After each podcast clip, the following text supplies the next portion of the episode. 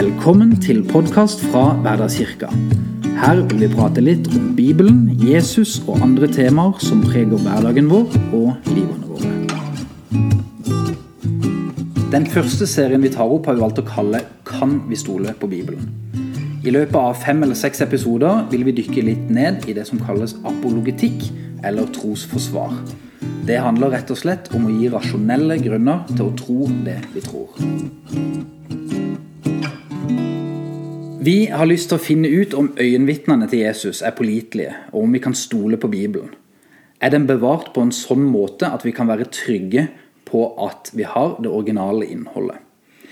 I dag fokuserer vi på øyenvitnene. Hvem var de? Var de pålitelige? Jeg heter Roar Korseth Eikli, og jeg har en del spørsmål. Og Gunnleik Hofstad skal prøve å svare. Og aller først har vi dokumentasjon fra mennesker som var øyenvitner til Jesu liv og det han gjorde her på jorda? Ja, eh, vi har jo det. Eh, og de aller viktigste, tenker jeg, er jo faktisk da evangeliene. Altså Matteus, Markus, Lukas og Johannes evangelium. Og eh, det som er med de, er at de er alle anonyme. Det står ikke i dem hvem som skrev dem, men eh, de var jo ikke anonyme eh, sånn som de ble overlevert. Så de som mottok dem, visste jo hvem som hadde skrevet dem. Og kan si urkirken, da. De var 100% enige om at det var altså Matteus, også kjent som tolleren Levi, som var en av de tolv disiplene til Jesus. Eh, han skrev Matteusevangeliet, og at Markus, eh, som da var en av eh, Peters nærmeste disipler, han skrev Markusevangeliet, og Lukas, som var en av Paulus sine nærmeste, og også var en lege og historiker, skrev både Lukasevangeliet og faktisk også apostlenes gjerninger. Og så, så, har det vel egentlig ikke vært noe historisk dokumentasjon, nei, diskusjon om eh, disse forfatterskapene. Det har ikke vært noen alternative forfattere servert, så det er ingen grunn til å tenke at det skulle være noe annet. Eh, ikke noe grunn til at de skulle ha løyet om det. Argumentet for det blir jo bl.a. at hvis folk hadde liksom funnet opp forfattere, sånn som man har opplevd eh, senere i historien, at man har tilegnet enkelte skrifter mennesker som, man, som åpenbart ikke har skrevet dem Hvis man skulle gjort det med med dem så hadde de nok antagelig ikke valgt Matteus, f.eks., som eh, kanskje var den minst eh, populære på mange måter av disiplene, fordi han var en tidligere toller, altså egentlig regna som en forræder eh, av jødene. Um, Markus og Lukas var ikke engang noen av de tolv, så hvis de skulle finne på noe der, så hadde de vel heller eh, brukt Peter og Johanne som på en måte Jakob og disse her mer framstående disiplene, rett og slett. da. Men eh, hva med Johannes, da? Er man mer usikre på om, eh, om han var forfatteren av Johannes evangelium? Eh, egentlig ikke. Eh, det som er spesielt med, med, Johannes, er at han er en av de mest ansette av disiplene. Men likevel så er det jo faktisk han den eneste som, de, som det har vært litt diskusjon om, om det var virkelig han som skrev. Men det eneste historiske greiene som de bruker som dokumentasjon på det, er at det, noen av de aller tidligste kristne skriftene så, så uh, står det referert til at det er en som heter Johannes den eldste, som skrev eh, Johannes evangeliet. At det står ikke på alle kilder at apostlene han, Johannes gjorde det. Eh, egentlig bare én kilde som skriver da Johannes den eldste. og Derfor har det vært litt diskusjon. Mener han da en annen Johannes, eller mener han apostelen Johannes når han sier Johannes den eldste? Men jeg tenker jo at Eh, ikke noen spesiell grunn til å tro at det er noe rart at de ville kalt Johannes for, for, den eldste heller. Eh, og Bortsett fra det så er det ingen eh, diskusjon, ikke noen historisk diskusjon på hvem det var som skrev Johannes evangeliet heller. Nei. Um, kan du nevne noen liksom, andre antikke kilder, skriftlige, skriftlige, kilder, som bekrefter disse forfatterskapene? Ja, det er, det er jo mange altså De tidlige kirkefedrene som uh, Eh, skrev mye om dette her. Eh, en av dem han het Papias. Eh, levde i det andre århundret. altså Han var født i år 70. Døde i år 163. Han var biskop av Hieropolis i Vest-Tyrkia. Han dokumenterer at Markus nøyaktig og samvittighetsfullt hadde nedtegnet Peters øyenvitneobservasjoner. Og han sier også at Matteus hadde tatt vare på Jesu lære.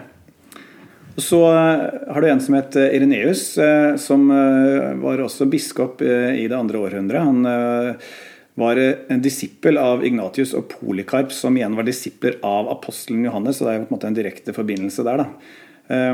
Han bekrefter alle disse tradisjonelle forfatterskapene på alle fire. Han skriver dette. Matteus publiserte sitt eget evangelium blant hebreerne på deres eget språk, samtidig som Peter og Paulus forkynte evangeliet i Rom og etablerte kirken der. Etter at de reiste, overleverte Markus selv, Peters disippel og fortolker, en skriftlig nedtegnelse av Peters forkynnelse. Lukas, Paulus' etterfølger, nedtegnet evangeliet som læreren hans forkynte i en bok.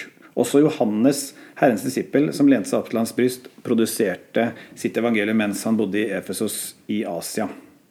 Hmm. Så um, Hvis det er sånn at det var disse fire som skrev evangeliene, altså Matteus og Johannes, som var Jesu disipler, Markus, som var Peters disippel, og historiker og lege Lukas, som var Paulus' disippel, da um, er jo alle evangeliene enten direkte eller indirekte øyenvitneskildringer. Ja, så historisk sett så er det jo god grunn til å tro at disse fire er forfatterne av de fire første bøkene i Nytestamentet. Men så må man jo lure på da om eh, de var til å stole på. Fortalte de sannheten? Eller har de funnet på masse eventyr for å bare skape seg en, en ny religion? Ja, nei, men det skal du få lov å lure på. det, er, det er fire kriterier som, eh, som, man ofte legger til grunn for om man kan stole på et øyenvitne. Det første er jo at eh, de må jo da ha vært til stede. Uh, og der ja, kan vi argumentere mye ut fra Bibelen og andre ting uh, på det. Men det var veldig tydelig hele veien at uh, og det refereres til både i brevene senere i Bibelen osv. at de, de, ser på seg selv som øyenvitner. Faktisk så var det sånn at det var såpass viktig at apostlene selv var øyenvitner at når de skulle erstatte Judas, som da forrådte Jesus og senere begikk selvmord, så, så, står det da i apostlenes gjerninger at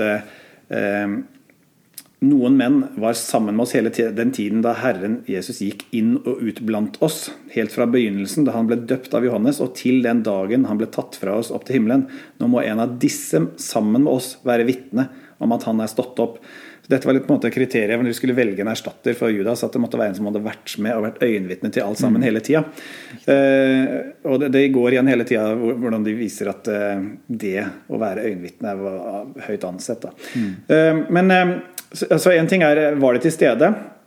En annen ting er om de da viser seg å være pålitelige og nøyaktige i andre ting. Det skal vi se på litt seinere i serien. når Vi skal se litt på vitenskapelige bevis og arkeologiske ting som på en måte dokumenterer hva, hva disse har sagt. Da. Eh, og om det de forteller kan bekreftes eh, ved eksterne bevis, eh, andre samtidsvitner, vitenskapelige og historiske bevis, som vi også skal se på litt senere.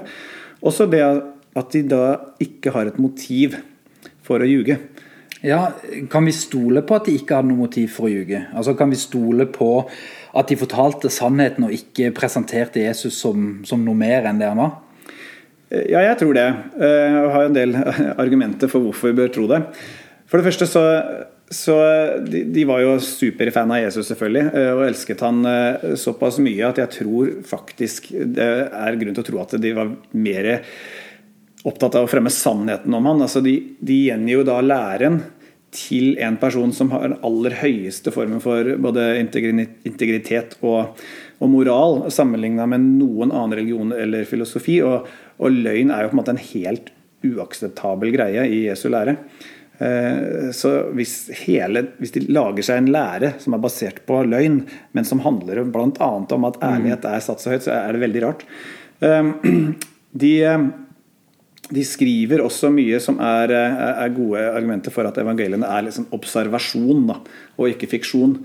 Så hvis de skulle finne på dette, da, eh, finne på en religion eh, som du selv skal være leder for, ville du da krevd at du skal være fullkommen? Slik som Gud er fullkommen, for det sier Jesus at det skal være. Han, Jesus setter lista helt sinnssykt høyt.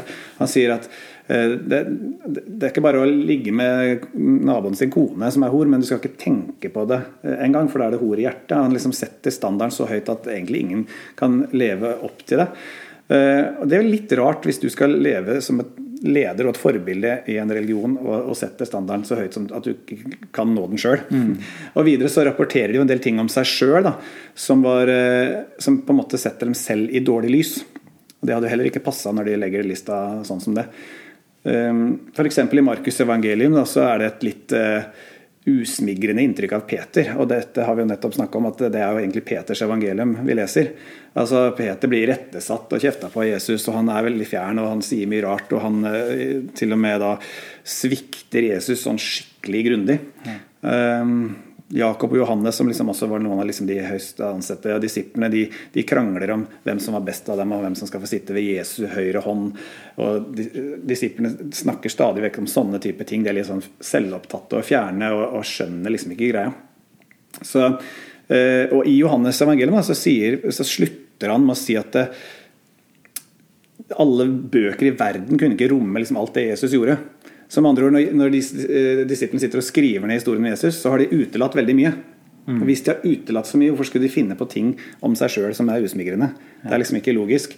Eh, og I tillegg så, så er det mye om, om Jesus som, som, på en måte er litt usmigrende. Altså, hvis du skal prøve å ljuge deg fram til en religion hvor Jesus er Guds sønn, eh, så er det sånn at I Markus' evangeliet så, så kommer Jesus til hjembyen sin, og han kan, kunne gjøre få mirakler der, står det. Ja, er han ikke allmektig Gud, da? Hvorfor, det ser ut som han, de begrenser Jesus sin kraft.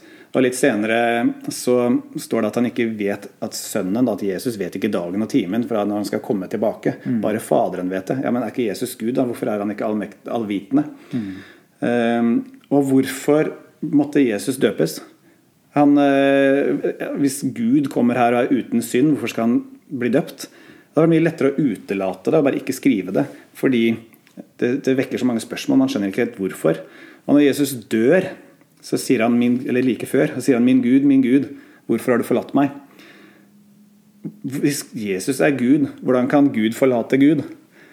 Er, teologene har sittet i 2000 år og klødd seg i huet. Liksom, hva betyr egentlig dette her? Ja. Hvis man skulle finne på dette her og lage fiksjon, så bare utela, ut, ikke ta med de tingene som gjør at det blir vanskelig. En annen ting er jo at, eh, at hvis de skulle finne på evangeliene i ettertid, da, så, så, ville man eh, kanskje tatt med seg svar på stridsspørsmål som, man, som allerede har kommet opp. Husk at eh, disse tingene ble skrevet ned flere tiår etter at det skjedde.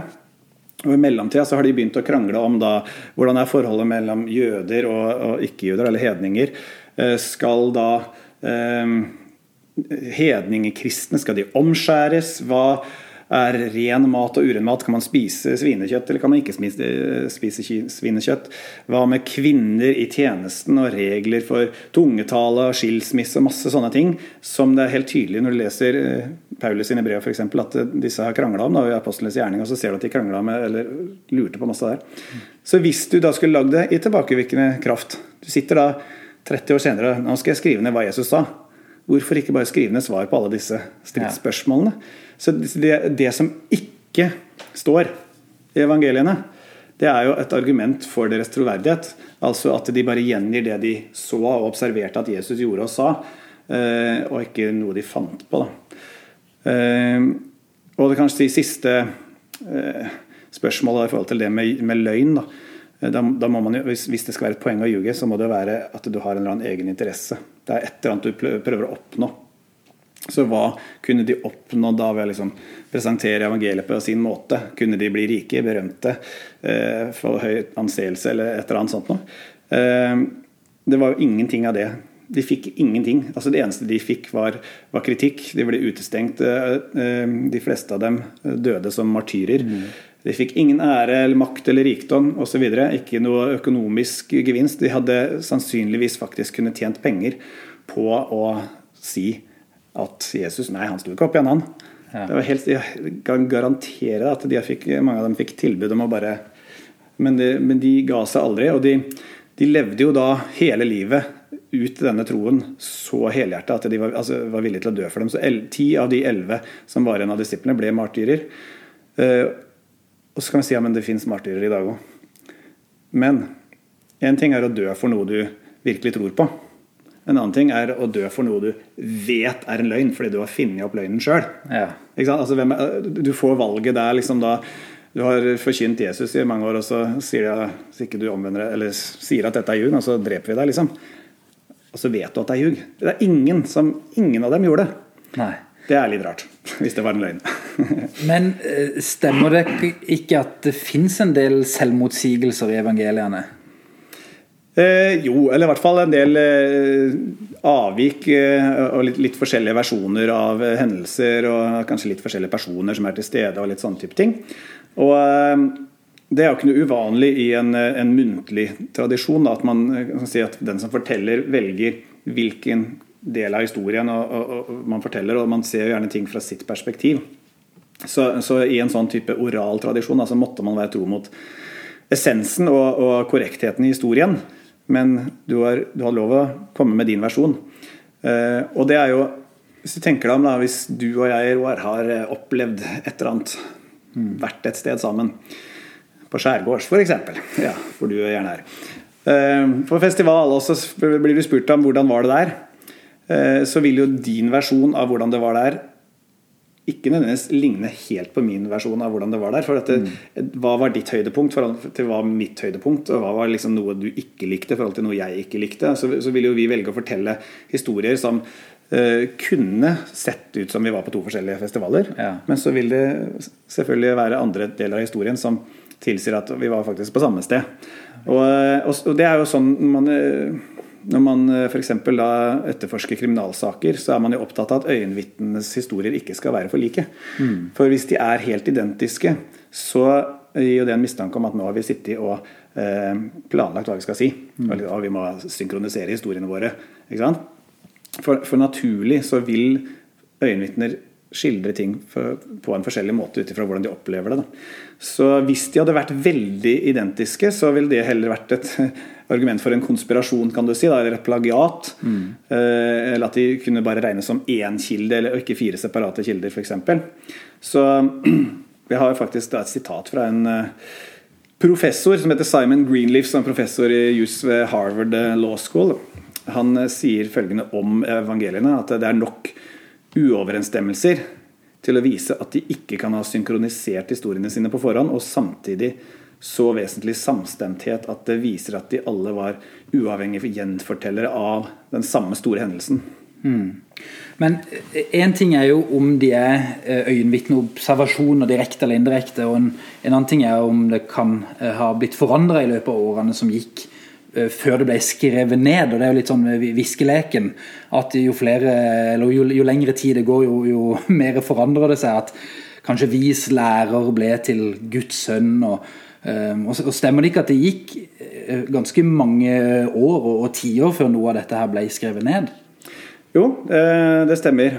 Og en sånn klassisk datering på, på disse er at, at Markus skrev, som skrev først, regner de med, skrev de rundt år 70. og og Johannes som var siste rundt eh, år 90. Eh, men selv det så er det jo fremdeles i livstiden til andre øyenvitner, altså også mm. kritiske øyenvitner. Så egentlig i historisk sammenheng så er ikke det sent i det hele tatt. Og det, det skal vi se litt på i en annen episode. Eh, men for å ta ett eksempel, da, så var Alexander den store en som dere sikkert stort sett kjenner til. Han døde i 323 før Kristus. Og den første, eller De eldste biografiene om Alexander den store ble skrevet av Arian og Plutark over 400 år senere. Eh, og Likevel så regner de det som historisk pålitelig. Så med Jesus, da om det er 30, 40 eller 60 år etterpå, så er det egentlig veldig Riktig. fort i, i, antikken, egentlig. Men så har jeg en del argumenter for at, eh, at mye av innholdet vi leser, er mye eldre. Eh, for så det, vet vi at eh, apostelens gjerninger ble skrevet av Lukas. Og i apostelens gjerninger så er jo Paulus på en måte nesten hovedpersonen, egentlig.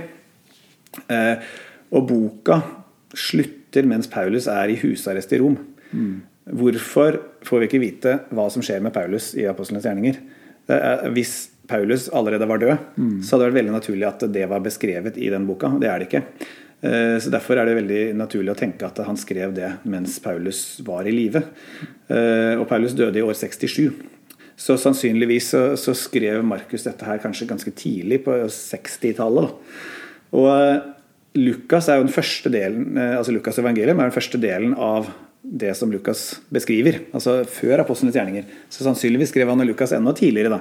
Så kanskje øh, øh, Kanskje fra 50- eller 60-tallet, for den saks skyld. Eh, de mener jo også at Lukas deler innhold fra Markus, og at Markus er det første evangeliet som ble skrevet. Så ikke usannsynlig at det ble skrevet på 50-tallet, altså kan si maksimalt 30 år etter Jesu død. Da. Og, og Sammenligna med andre historiske ting, som f.eks. Alexander den store eller andre, så er det nesten sånn Det er nesten Instagram, dette her, faktisk, ja. på den tida. så, øh, men så er det jo eh, sånn at øh, evangeliene er jo ikke det første, altså kronologisk sett, det som ble skrevet ned først av, av Nytestamentet, selv om det kommer først i Nytestamentet. Eh, mange av Paulus sine brev ble jo skrevet da på 40- og 50-tallet. Eh, og, han refererer jo til en del eh, tidlige kristne trosbekjennelser. Eh, F.eks. i 1. Korinterbrev 15, hvor Paulus forteller også at dette er noe han har fått overlevert av andre kristne. Mm. Og det vi vet om Paulus, var at ja, Hvis vi begynner med Jesus først, da, så, så, ble, så Jesu døde oppstandelse var sannsynligvis ca. i år 30. Eh, I så fall så ble Paulus en kristen antagelig i ca. år 32. Var først en stund i Damaskus, og så dro han opp og på en måte gikk på bibelskole i, da, mm. uh, i Jerusalem uh, blant de, første kristne der oppe. At det kan ha skjedd kanskje ca. år 35. Og da har han altså lært disse tingene som han har fått overlevert av andre kristne. Altså disse typer trosbekjennelsene. Uh, og det vi kan lese der, er at vi, vi skjønner at der trodde de allerede på Jesu død for våre synder. Det står også en detaljert liste over hvem han har vist seg for, altså etter at han sto opp igjen. Og dette her er kanskje to til fem år etter Jesu død. da. Uh, altså Det kan ikke være mytologi, for dette, dette er i samtiden. Mm. Man må spørre seg sjøl liksom, hvordan kan en tro på en oppstanden Jesus, og hvordan kan en, altså, de tilber han som Gud, hvordan kan det skje i samme by på samme tid uh, med øyenvitner som visste at han ble korsfesta, og liket ble borte etterpå? Det er som om vi skulle liksom Det skjedde i Hamar og, eh, for, i 2017, liksom. Og nå tilber vi Jesus som Gud. Mens alle de andre kan på en måte motbevise det hvis de kunne, da. Ja. Hvis ikke det var sant. Ja. Men eh, likevel, 30, 40 eller 50 år etter at hendelsene fant sted, eh, hadde forfatterne evnen til å gjengi hendelsen korrekt når de ikke skrev det ned før så mange tiår senere? Jeg har ikke noen grunn til å tro at ikke de har det. Man tenker at det er en annen, en annen tid hvor det det ikke fantes noe bibliotek og computer eller Google, og folk eh, hadde ikke tilgang på bøker. De fleste kunne nok ikke lese heller. Så det er en veldig muntlig kultur, og det er helt vanlig å memorere ting. Så f.eks. rabbiene de kunne jo hele Gamle testamentet utenat. Ja. Det er jo ganske heftig. Jeg vet ikke om norske skuespillere engang hadde klart å pugge Gamle testamentet utenat. Men, eh, og, skolebarn også. Når de gikk på skolen, så lærte de jo Det var jo skriftene de lærte, og, og, og de mm. lærte ting utenat. Så, så, det er ikke noen grunn til å tro at ikke det er innafor normal memorering at uh, disiplene kunne gjengi Jesu lære uh, korrekt. Uh, og sannsynligvis mye mye mer enn bare det de har nedskrevet i de fire evangeliene. Og I tillegg så, så var mye av læren i poetisk form. Det ser du ikke alltid på norsk. Men at det er på en måte repetisjoner og verselinjer og liksom en, en, en altså type memoreringshjelp, da, akkurat som vi har. Mm. Man syns det er lettere å lære en sang utenat enn en tekst. Mm. Fordi man har melodi og, og rim og, og, og sånne type ting. Og eh, Du nevnte viskeleken i stad. Eh, det kan ikke sammenlignes med det. for de alltid, Det var ikke sånn at de hørte ting én gang. Eh, de hadde mulighet for å høre det om og om igjen. De gikk sammen med Jesus i mange år. Når vi leser Bergprekten, så tenker vi hvordan klarer de å gjenfortelle Bergprekten til 40 år etter? Mm. Ja, men De har jo sannsynligvis hørt akkurat den samme læren mange ganger. Eh, det var bare en, det, Kanskje det var første gangen de hørte Jesus siden, men, men de har sikkert vært terpa på denne læren gjennom hele disippeltiden sin. Og sikkert da forkynte da tusenvis av ganger eh, fra Jesu døde oppstandelse og fram til de faktisk da noen år 30 eller 40 eller 50 år etter sitter og skriver det ned. Så, så, det de skriver ned da, er noe som bare er blitt en del av dem. Da. Så det er ingen grunn til å tro at de skulle ikke ha evnen til å gjengi det korrekt. nei. nei. Men eh, helt til slutt, fins det noe, noe, dokumentasjon fra andre øyenvitner enn de som har skrevet evangeliene? Eh, fra, fra for fra folk som ikke var etterfølgere av Jesus? da? Ja, det gjør det. Og, og, vi kommer til å se noe mer på det i en annen episode. Men eh, bare sånn kort fortalt da, så er det jo F.eks. i en del jødiske skrifter fra, fra Jesus samtid, så, så, står det om, om Jesus. Men de Jødene aksepterte han jo ikke da som, som Guds sønn, men kaller han gjerne en trollmann eh, pga. miraklene, da, ikke sant? som forførte folket. Så, så, så, kildene bekrefter både at han levde og at han gjorde mirakler, men fornektet at det var Guds verk. Da. Og det er ingen samtidskilder som verken motsier miraklene eller, eh, eller eh, historien rundt Jesus eh, for øvrig. Mm. Og igjen så må man bare tenke seg hvordan kunne denne si, nye religionen blomstre da i øyenvitnes samtid og på, på samme sted som alt dette skjedde, dersom kritikerne, altså de andre mm. øyenvitnene som ikke likte det så, hvis de på en pålitelig måte kunne avkrefte det som hadde skjedd. Ja. Mm. Veldig spennende. Vi, vi, går inn for landing på den eh, første episoden, og eh, neste gang så tenkte jeg at vi skulle prøve å finne ut om disse skildringene og evangeliene og resten av Nytestamentet er tatt vare på en sånn måte at vi kan stole på at innholdet er det samme i dag som da det ble skrevet. Så vi eh, håper at vi høres igjen i neste episode. Du har nå hørt en podkast fra Hverdagskirka. Følg Hverdagskirka på Facebook for oppdateringer om nye episoder og nye serier.